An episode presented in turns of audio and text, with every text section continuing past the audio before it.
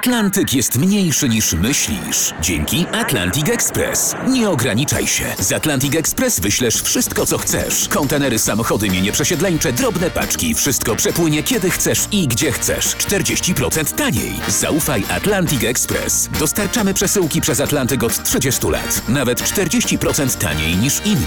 Dzwoń 1 800 775 73 63. Ekspresowo przez Atlantyk. Tylko z Atlantic Express. Rozmawialiśmy przed chwilą o książkach, które w ten czy inny sposób, o lekturach, które w ten czy inny sposób wpłynęły na, mm, na, na może nie sam przewóz, ale jakąś wizję, która, która jemu towarzyszy. Czytałeś y, po, poza tym kontekstem ostatnio coś, y, jakąś nowość, która cię zachwyciła albo wręcz przeciwnie, y, oburzyła, zniesmaczyła? Coś co, coś, co rzeczywiście zrobiło ci coś czytelniczo? Wiesz, nie przychodzi mi do głowy żadna nowość w tej chwili, ale pamiętam zeszłą Wielkanoc, którą spędziłem na lekturze e, Idioty Dostojewskiego. Po 30 może latach powróciłem do tego i było tak inne doświadczenie niż te 30, może 40 lat temu. E, tak wstrząsające i tak dogłębne, że natychmiast napisałem coś w rodzaju eseju do Tygodnika Powszechnego o tym przejęty lekturą. I już Rosjanie to będą teraz tłumaczyć, drukować. Nie wiadomo skąd te, wiesz, słodkie ciosy padają. Po prostu sięgasz na półkę, wyjmujesz idiotę i czytasz go od nowa na przykład.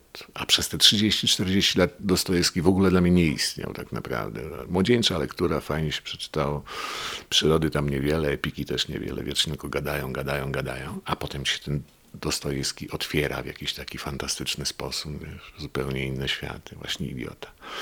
To to z lektur dojmujących. Przewóz był pierwszą od 10 lat powieścią, no ale w międzyczasie opublikowałeś sporo książek, no właśnie, podróżniczych, autobiograficzno-reporterskich. Czy ty w ogóle y, sięgasz po cudze reportaże?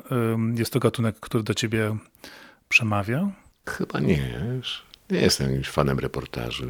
Ja nie piszę reportaży. Jeżeli piszę, używam formy reporterskiej, to to jest forma, wiesz, zmyślenia tak naprawdę. To jest, wiesz, fikcja jest to jakiś autoreportaż, no, wiesz, poetyckie pitolenie tak naprawdę, no, gdzieś o moich właśnie wyświetleniach wewnętrznych, co robi rzeczywistość to, bo reportaż ma dotrzeć do tak zwanej prawdy, co dla, dla mnie jest no, nieco, nieco naiwne i nieco utopijne.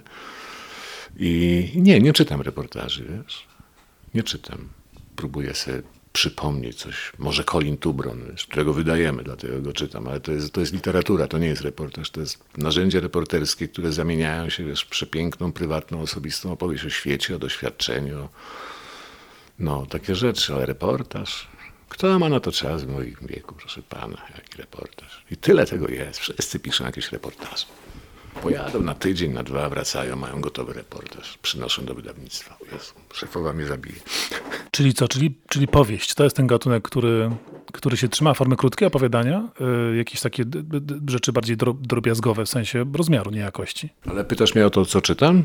Tak, tak. Czy to, jest, czy to są formaty, formy, które do ciebie e, e, trafiają? Słuchaj, nie no, jak można... E, nie potrafię ci znaleźć gatunku, który, który mnie szczególnie przejmuje. No, wiesz, błąkam się między właśnie, nie wiem, Malapartem ostatnio, a dawnym Ingerem, a nie wiem, 900-stronicową biografią. Berry na przykład, świetnie napisano, wiesz, czy wiesz, biografami wielkich tyranów, żeby wiesz, pojąć jak ten świat się konstruował i jak prawdopodobnie będzie jeszcze. Takie rzeczy, no misz masz kompletny, no. misz masz kompletny, absolutnie. No i to może być puenta ładna, należy czytać wszystko, na co mamy ochotę, nie przyjmując się e, gatunkami. Tak w każdym razie, jak się dowiadujemy, czytuje Andrzej Stasiuk. Bardzo Ci dziękuję za tę rozmowę. Dzięki, naprawdę. Czytajcie, co chcecie. Czytaj ta, co chce ta.